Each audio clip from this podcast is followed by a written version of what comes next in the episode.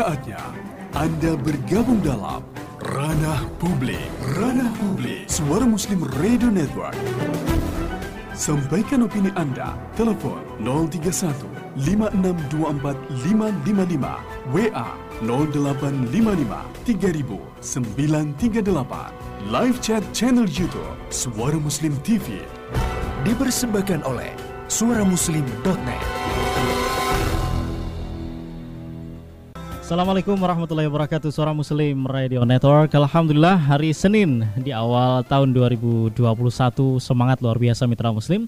Dan kalau kita lihat tadi ya di jalan Ini mungkin bagi anda yang sedang dalam perjalanan atau sudah sampai di tempat masing-masing Di Surabaya khususnya sudah lumayan ramai dibandingkan dengan pekan kemarin yang lengang, sepi begitu ya. Tapi mitra muslim di awal tahun 2021 ini juga ada banyak hal yang terjadi. Termasuk mungkin sudah ada agenda-agenda positif yang Anda rencanakan dan juga ada beberapa target yang harus laksana di tahun 2021 ini. Nah, namun mitra muslim ini juga perlu diingat ya, di tahun 2021 khususnya di bulan Januari ini ada satu kenaikan yang terjadi yaitu kenaikan iuran BPJS Kesehatan Mandiri kelas 3 ya. Kalau dulu di tahun 2021 itu uh, nilainya yang harus dibayar oleh uh, masyarakat kelas 3 itu yang mandiri itu ada senilai 25.500 karena subsidinya adalah 16.500. Nah, tahun ini itu subsidinya hanya 7.000. Jadi sehingga peserta mandiri harus membayar Rp35.000. Dan ini merupakan lanjutan dari skema uh, peraturan pemerintah ya yang terjadi pada bulan Juli tahun lalu 2020 dan kemudian 2021 baru terlaksana untuk mandiri kelas 3. Kelas 1 dan 2 sudah sudah duluan gitu ya. Sempat ramai juga kita diskusi beberapa waktu yang lalu. Nah, dan ini kemudian Mitra Muslim memantik beberapa komentar dari sejumlah pengamat termasuk Yayasan Lembaga Konsumen Indonesia YLKI yang menilai kenaikan BPJS Kesehatan bagi peserta kelas 3 bukan solusi yang tepat. Karena menurut YLKI, kebijakan tersebut berpotensi memicu hal yang bersifat merugikan justru bagi BPJS Kesehatan serta bakal menimbulkan tunggakan yang lebih membesar. Berikutnya ada ekonom dari Indef Eni Sri Hartati yang menyebutkan uh, justru Kenaikan ini di tengah pelemahan daya beli masyarakat bisa jadi nanti akan berpengaruh pada uh, prospek ataupun juga semangat untuk memulihkan perekonomian dan juga daya beli masyarakat. Nah, seperti apa dan apa sebenarnya yang didapatkan setelah kenaikan ini atau kenaikan iuran ini yang harus dibayar atau mungkin bahasa lainnya subsidinya yang lebih sedikit dibandingkan tahun 2020. Kita akan diskusikan pagi hari ini dalam program Ranah Publik. Ranah Publik. Ranah Publik.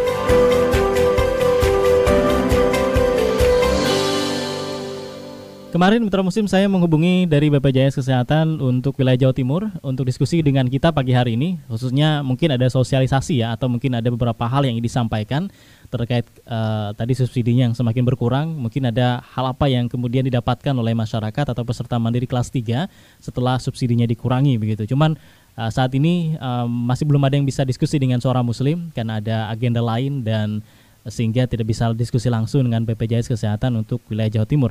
Dan di sambungan telepon saya juga bersama dengan BPJS Watch Pak Arif Supriyono yang akan diskusi nanti dengan Anda. Pak Arif, Assalamualaikum. Waalaikumsalam warahmatullahi wabarakatuh. Oke. Selamat pagi, suara pagi. Muslim. Iya. Surabaya. Iya. Pak Arif ke mana ini di awal tahun?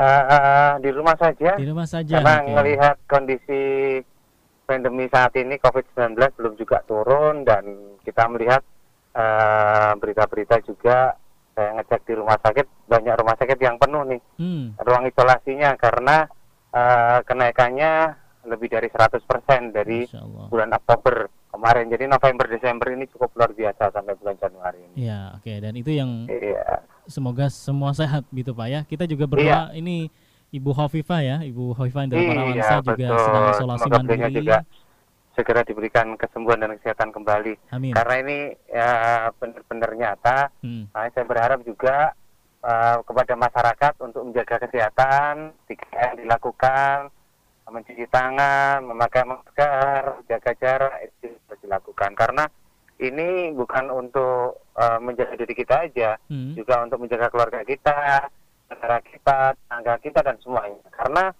uh, penyakit ini yang tidak kelihatan itu sebenarnya nyata. Yeah. Dalam artian kalau memang kita tidak ada penyakit penyulit atau penyerta, itu tidak ada masalah kita bisa sehat dan sembuh. Hmm, hmm Tapi hmm. kalau uh, itu menular kepada uh, apa orang masyarakat lain, ataupun sekitar. orang lain hmm. yang menderita penyakit komorbid apa ataupun dengan penyulit penyakit degeneratif itu kan kita bisa membunuh mereka kan hmm. juga dosa gitu loh Betul. Mas Iya. Oke, dan ini kalau COVID juga di cover BPJS, Pak? Uh, COVID karena pandemi yang mengcover adalah ini Kementerian Kesehatan. Oke. Kementerian Kesehatan. Jadi semuanya pembiayaan total full itu uh, Kementerian Kesehatan yang uh, mengcover hmm. berapapun nilainya kecuali kalau beliaunya minta privilege ya yeah. privilege dalam artian mereka naik naik ke VIP hmm. harus ruangan sendiri hmm. itu mereka ya harus sharing biaya hmm. kan seperti hmm. itu ya. sama halnya dengan BPJS Kesehatan kalau naik kelas kan gitu hmm. oke okay. Pak Arief, kalau kita melihat ini sebenarnya untuk yang kenaikan tahun ini di 2021 21, untuk kelas 3 ya, kelas 3 mandiri. dengan Perpres 64 tahun 2020. Nah, ya, itu, jadi, uh, itu kan sebenarnya kita ini mm. Perpres ini Ya, Pak Arief. Hmm. Terus uh, kenaikan iuran tahun 2019 clear oleh MA waktu itu. Okay. Di bulan Februari tanggal 20, 27 tepatnya hmm. sehingga kembali ke uh, ini iuran yang lama kelas 1 80 ribu, kelas 2 51, kelas 3 25 500 di pasal 34. Hmm. Nah, kan uh, di tahun 2020 kalau tidak salah ya, pasal 75. Uh, habis itu uh, muncul lagi hanya tiga bulan, hmm. Maret, April, Mei, Juni ya. Maret diberlakukan, per 1 Maret diberlakukan, per 1 Juli sebelum itu muncul Perpres 64 tahun 2020 juga. Oh, Oke. Okay. Oh, yang tadi uh, 2019 Pak, Perpres 75 2019 uh, ya. Enggak, uh, Perpres 75 2019 okay. gitu. Terus dianulir sama MA, hmm. muncullah Perpres juga 64, 64 tahun 2020. 2020, oke. Okay. Iya. Ya, sehingga nilainya dari uh, 80 menjadi 150 hmm. eh, 160 110 dan uh, 75 itu yang 160, 110 sama 42.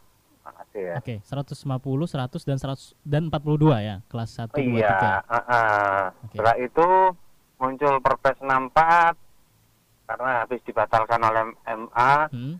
Uh, kelas satunya jadi 150, yeah. turun hanya 10.000, kelas 2 turun 10.000. Hmm Terus yang kelas 3 tetap 42, tapi yang seperti jenengan jelaskan tadi hmm. itu dapat subsidi 16.800, jadi nah. kelas 3 hanya membayar iuran 25.500. Oke. Okay.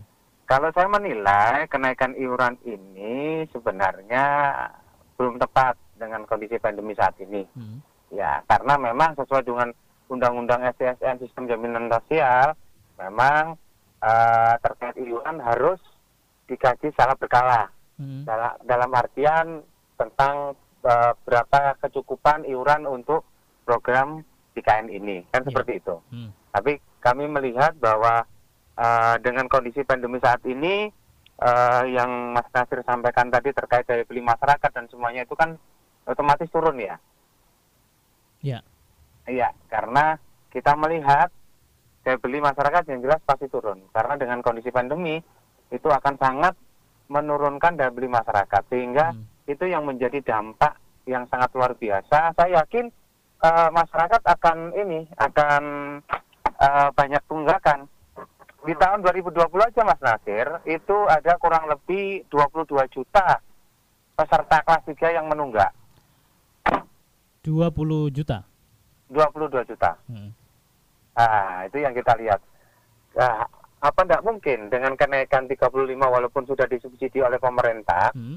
itu masyarakat tidak menunggak saya tidak yakin juga oke okay. ya kan sehingga apa yang upaya dilakukan oleh pemerintah dengan memberikan bantuan langsung tunai bantuan subsidi upah kepada pekerja dan semuanya saya berharap pemerintah juga harus memperhatikan terkait itu hmm. karena kita melihat ada potensi lagi yang uh, kemungkinan uh, akan ini Mas Nasir akan tidak bayar atau tidak bisa mendapatkan uh, pelayanan JKN, hmm. terutama bagi 9,7 juta pekerja yang ter-PHK. Okay. Karena dengan kondisi pandemi kan, hmm. ini yang yang menjadi konsentrasi uh, pemerintah. Kami berharap BPJS World kepada pemerintah uh, untuk mengcleansing data, Mas Nasir, hmm. mengcleansing data terkait peserta PBI. Jadi masukkan mereka-mereka yang, mohon maaf, yang mereka dalam tanda kutip dalam peserta K3 ini masih ada uh, mereka yang memang benar-benar miskin dan tidak mampu. Oke. PB ini penerima bantuan bantuan iuran, ya, oke. Iya. Sehingga, pemerintah harus uh, eh, PB ini artinya ada ada bantuan dari pemerintah pusat atau pemerintah kota dan daerah begitu Pak ya? Iya. Oke. Ini yang harus diselesaikan karena tracing data ini kalau ini tidak segera diselesaikan, ini juga akan menjadi dampak juga. Hmm. Karena saya melihat banyak sekali masyarakat-masyarakat yang mampu sebenarnya mendapatkan PBI ini. Ini yang salah dan tidak tepat sasaran. Ini yang pertama. Yang uh, kedua, pemerintah juga harus ada upaya bagaimana uh, apa uh, upaya pemerintah itu memberikan uh, subsidi juga kepada JKN ini kepada masyarakat miskin dan tidak mampu apabila uh, mereka sendiri tidak sanggup bayar. Sehingga hmm. itu mereka yang uh, dinyatakan miskin dan tidak mampu otomatis mereka mendapatkan uh, bantuan iuran dari pemerintah. Hmm. Itu yang seharusnya di, di, diperhatikan oleh pemerintah. Ya, Pak Kami berharap juga hmm. Kementerian Sosial yang baru ini, Bu Risma, ya. itu juga uh, ada upaya perbaikan DTKS, data terpadu kesejahteraan sosial. Data terpadu kesejahteraan sosial ya? Iya, okay. DTKS. Jadi itu yang harus ada upaya. Karena kalau kita melihat uh, data masyarakat miskin, Kementerian Sosial mempunyai data masyarakat miskin, BPS mempunyai data masyarakat miskin, iya kan? Hmm. Bapenas, BPN, iya kan? Semuanya kan juga punya. Nah, itu bagaimana mereka sendiri mensondingkan data-data itu uh, turun langsung kepada masyarakat yang memang benar-benar mereka sendiri uh, miskin dan tidak mampu dan berhak mendapatkan uh, apa namanya perlindungan jaminan kesehatan nasional ini Mas ya, Nadir. Ya, dising Karena disinkronkan Pak Agus eh, Pak Arif, Betul. Ya? Iya, betul. Karena ya. kesehatan ini kan hak dasar yang harus uh, didapat oleh rakyat Indonesia hmm, Mas Nadir. Ya. Pak Arif kalau bicara tentang apa sih yang didapatkan dari iuran uh, dari subsidi yang kemudian sisa hanya 7.000 di tahun 2021 apakah sama seperti dulu yang didapatkan oleh peserta mandiri kelas 3 ini atau ada tambahan atau bagaimana gitu? Iya, ini nanti akan sedikit demi sedikit akan dihilangkan Mas Nasir. Subsidinya? Jadi, uh, subsidinya. Jadi nanti di tahun 2022 akan kembali ke 42 ribu. Okay. Sesuai dengan Perpres 64 tahun 2020. Hmm. Gitu. Jadi kelas 1 150, kelas 2 100, kelas 3 42 ribu. Hmm. Ini kami berharap pemerintah ini dengan kondisi pandemi saat ini, pemerintah juga harus memberikan subsidi penuh lah memang kalau kita melihat kondisi yang ada 25.500 memang tidak bisa mencukupi uh, apa uh, biaya untuk uh, BPJS kesehatan untuk kelas 3. Tapi kita melihat uh, misalnya ini ada mohon maaf profesi hmm. tukang tambal ban yeah. yang mereka sehari dapat 100 ribu, 50 ribu untuk makan, lima puluh ribunya kan belum tentu cukup untuk misalnya dia lima anggota keluarga ataupun enam anggota keluarga untuk membayar iurannya kan hmm. di situ mas Oke, okay. Pak Arif. Karena di situ, hmm. okay. ini juga ada yang uh, menarik dari penjelasan BPJS berdasarkan uh, Perpres nomor 4, 64 tahun 2020 ini peserta iya. mandiri yeah. masih memungkinkan mendapatkan keringanan lanjutan jika pemerintah daerah baik provinsi maupun kabupaten kota memberikan tambahan subsidi. Jadi artinya diserahkan kepada uh, provinsi dan kabupaten, atau daerah masing-masing untuk mendata kembali begitu ya? Uh, iya. Hmm. Tapi kan sampai saat ini kita melihat data itu kan masih carut marut Mas Nasir. Hmm. Iya kan? Carut marut dalam artian uh, antara data kabupaten kota dengan pusat ini kan juga belum sinkron. Iya. Pertama, iya kan? Terus kami berharap dari 96,8 juta PPI APBN ini angkanya harus dinaikkan sehingga masyarakat pekerja yang kemarin ter PHK karena pandemi ini secara otomatis mereka mendapatkan layanan JKN Mas Nasir. Hmm. Bagaimana mereka sendiri sebagai masyarakat pekerja, istrinya nih lagi hamil saat ini, okay. terus dia ter PHK, secara otomatis JKN-nya kan ter, ter, terhenti. Hmm. Nah, ini uh, uh, harus ada kesiapan dari pemerintah melihat kondisi yang ada dengan stakeholder yang lain, dengan Kementerian Sosial, dengan Kementerian Tenaga Kerja, hmm. dengan Disnaker, nah, itu saling berkolaborasi bagaimana memasukkan uh, ada 9,7 juta yang pekerja yang ya? yang ter untuk bisa masuk mendapatkan PPI secara otomatis. Karena otomatis mereka kan yang dari peserta PPU pekerja penerima upah yang sebelumnya dibayarkan oleh perusahaan, mereka kan nggak bisa ini Mas Nasir, nggak bisa mendapatkan uh, layanan kesehatan karena non aktif, hmm, hmm. karena premi kan seperti itu. Ya. Oke, Pak Arief, jadi artinya dengan subsidi yang berkurang, kemudian yang didapatkan didapatkan pun juga masih sama, kemudian iya. perlu adanya orang-orang yang tadi selama pandemi ini mungkin dari yang uh, dia mandiri harus mendapatkan subsidi dari pemerintah itu juga harus didata dan dilanjutkan ini ya di 2021. Iya. 21 iya. Okay. Karena kesehatan ini pembiayaan cukup mahal dan tinggi loh Mas Nasir. Hmm. Kalau kita melihat uang yang diberikan mohon maaf ya, memang masyarakat uh, perlu uang untuk bantuan bantuan-bantuan itu supaya untuk meningkat meningkatkan daya beli masyarakat. Yeah.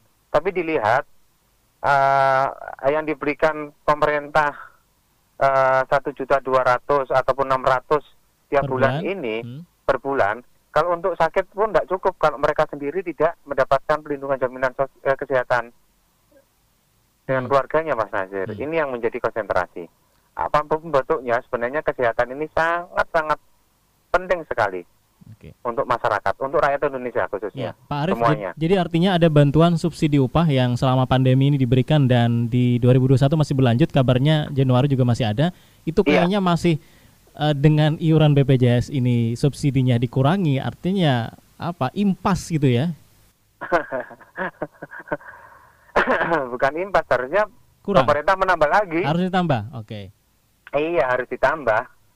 Ini akan menjadi potensi baru, Mas Nasir hmm. uh, yang tadi saya sampaikan 25500 aja uh, kurang lebih peserta mandiri 22 juta menunggak. Hmm. Iya kan? Betul, Kalau dinaikkan 35 ribu apa tidak menjadi potensi? Uh, uh, pemerintah harus melakukan mitigasi terkait tracing data itu yang pertama. Yang kedua uh, terkait relaksasi. BPJS kan ada program relaksasi di Perpres 64 Mas Nasir. Hmm. Yang intinya relaksasi itu adalah memberikan keringanan bagi mereka yang menunggak itu sampai batas waktu kemarin 31 Desember tahun 2020. Hmm. Itu harus diperpanjang relaksasinya. Oke. Okay. Jangan hanya di Desember tahun 2020 harus diperpanjang. Hmm. Ya, Karena ini... masyarakat, hmm. ya, masyarakat supaya uh, ada uh, upaya untuk bagaimana mereka sendiri uh, mengiur BPJS kesehatannya ini untuk menjadi aktif. Ya. Mungkin ini juga sedang dibahas ya agar relaksasi keringanannya bisa sampai diperpanjang di tahun 2021. Iya, 2021. Itu yang saya harapkan ketika tadi ngobungin BPJS masih belum bisa diskusi karena ada rapat katanya. Oke. Pak iya, Arif, iya, terima iya, kasih Arif untuk diskusinya pagi hari ini. Sama-sama Mas Nasir. Oke. Iya.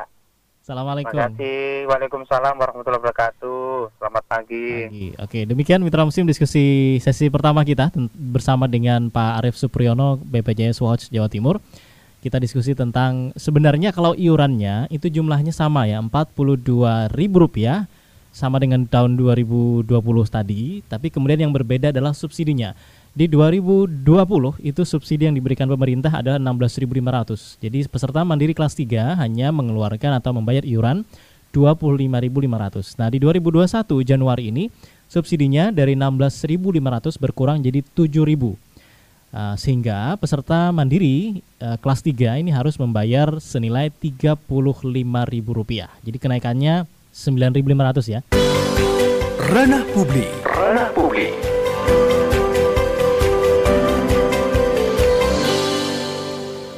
Kado tahun baru Mitra Musim BPJS Kesehatan naik dan seperti yang kita diskusikan tadi sebelumnya bersama Pak Arief Supriyono ini merupakan implementasi dari uh, peraturan pemerintah ya dan Perpres maksud saya 64 tahun 2020 yang menyebabkan uh, subsidi untuk kelas mandiri kelas 3 ini sisanya hanya Rp7.000 sehingga harus membayar Rp35.000. Bagaimana dari aspek konsumen begitu dan di sambungan telepon kami juga sudah terhubung dengan Pak Tulus Abadi, Ketua Harian YLKI. Pak Tulus, Assalamualaikum. Ya, Waalaikumsalam Pak Nasir. Iya, terima kasih sudah bersedia untuk diskusi pagi hari ini.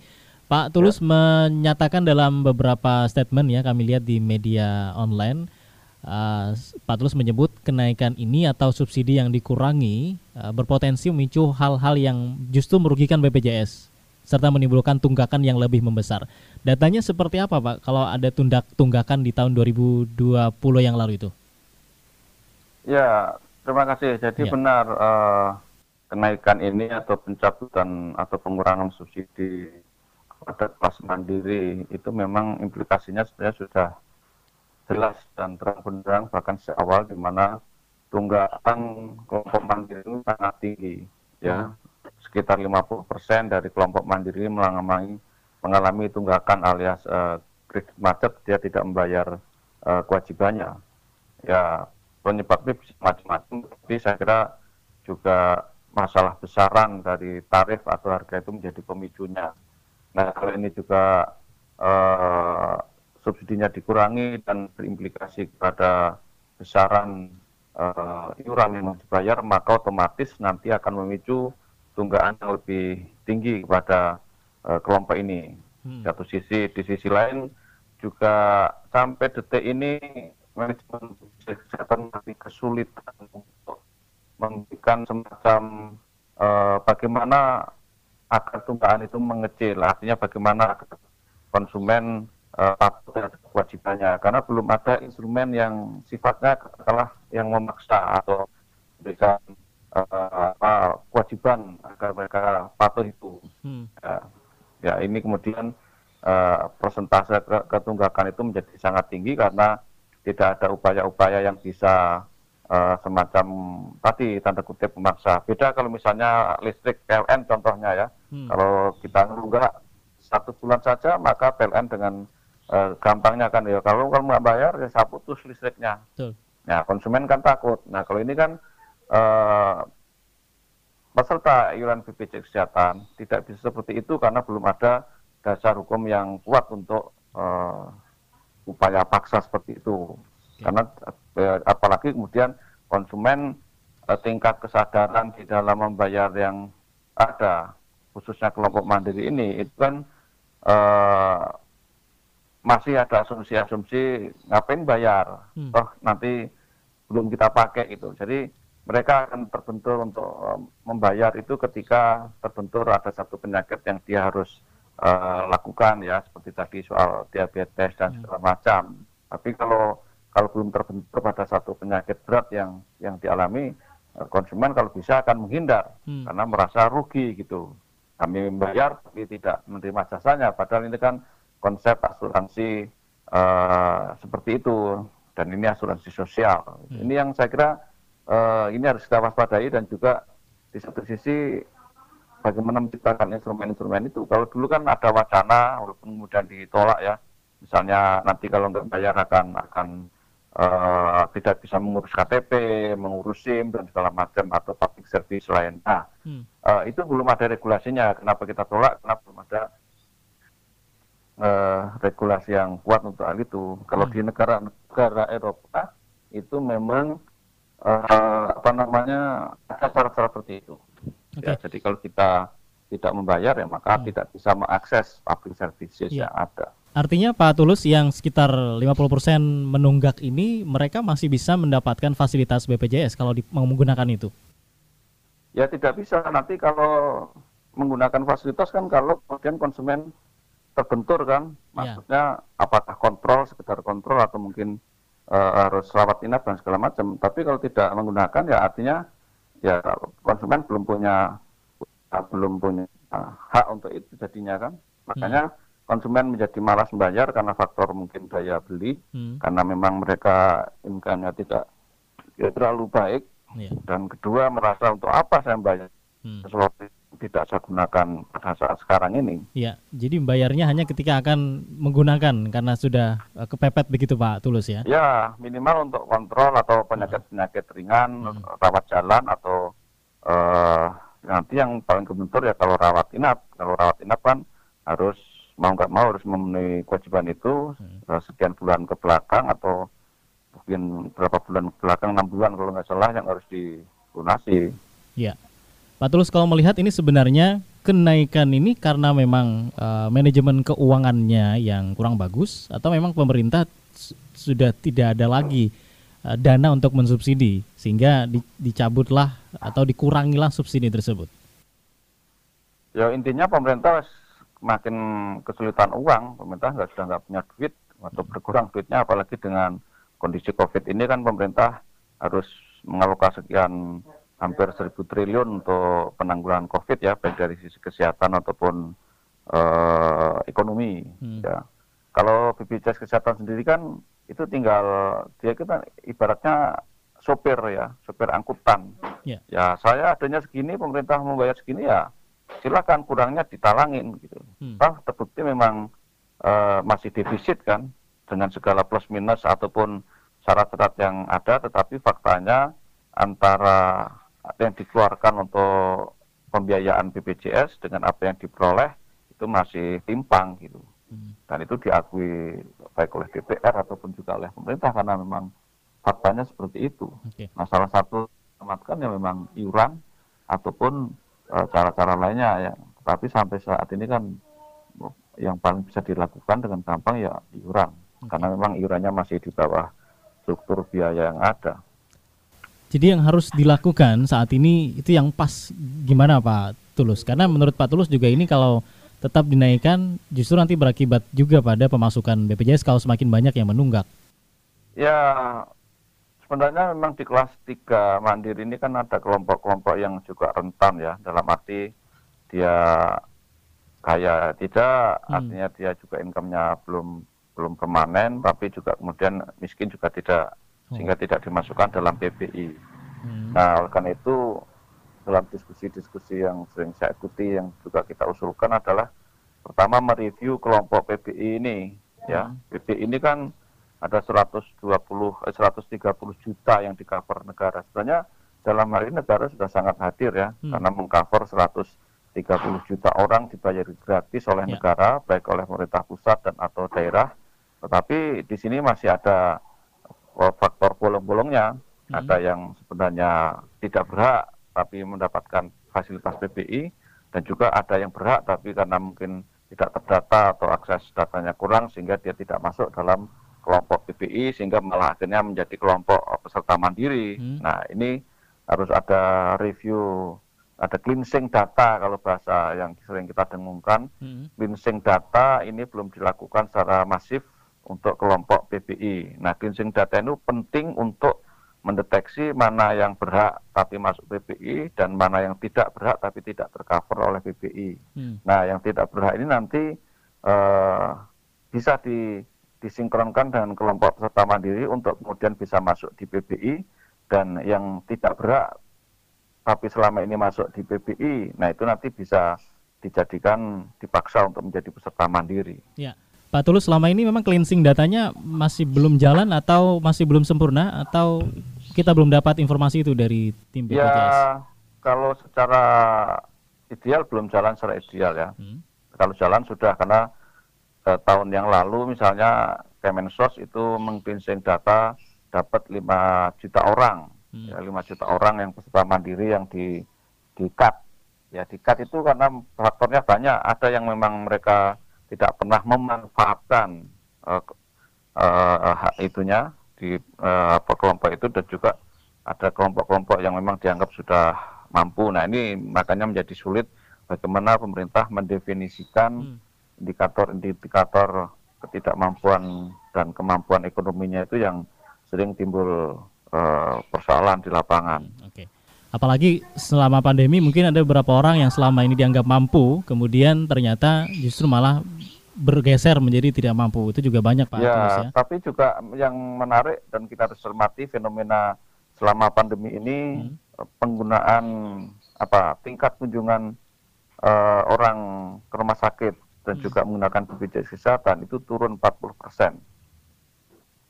Ya, karena apa? Karena mayoritas kan takut ke rumah Betul. sakit ya. ya. Nanti ya terkonfirmasi apa terinfeksi positif dan segala macam sehingga mereka akhirnya berobat jalan tanpa menggunakan BPJS hmm. atau tidak berobat atau mungkin berobat ke dukun hmm.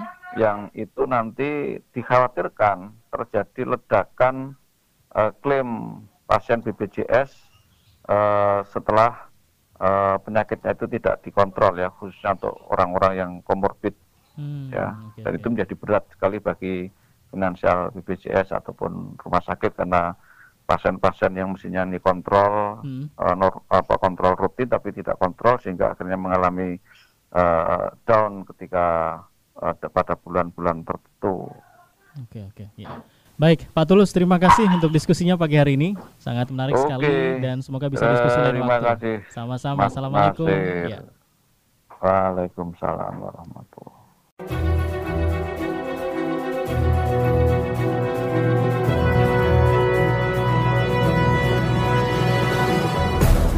Terima kasih.